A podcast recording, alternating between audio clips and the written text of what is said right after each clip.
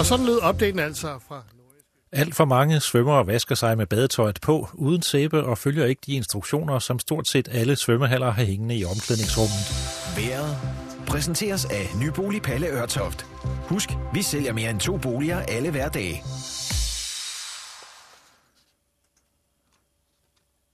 Ja, vi ser lige, om vi kommer igennem her.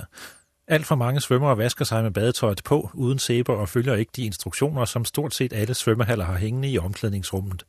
Sådan lyder det fra en række svømmehaller i 10 forskellige kommuner i hovedstadsområdet, som DR P4 København har talt med.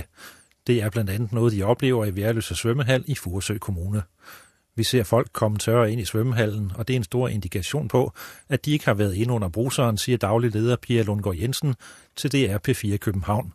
Hun mener, ligesom mange andre svømmehalsledere P4 København har talt med, at folk er blevet mere blufærdige og ikke vil bade med andre. Svømmehallerne forsøger at kompensere ved at komme mere klor i vandet, men den øgede mængde klor er usund for både svømmere og de ansatte.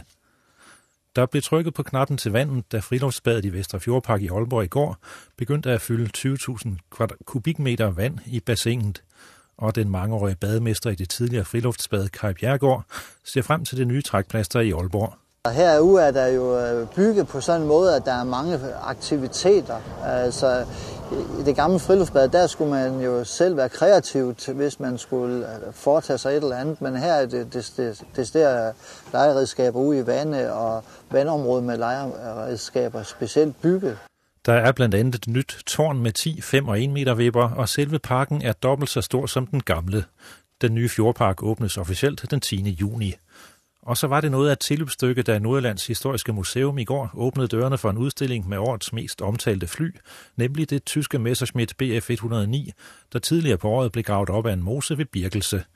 En af de mest nysgerrige var den 14-årige Daniel Rom Christiansen, der fandt flyet og sidenhen fik gravet det op af jorden sammen med sin far. Han var forbløffet over at se, hvad museet havde fået ud af vragdelene.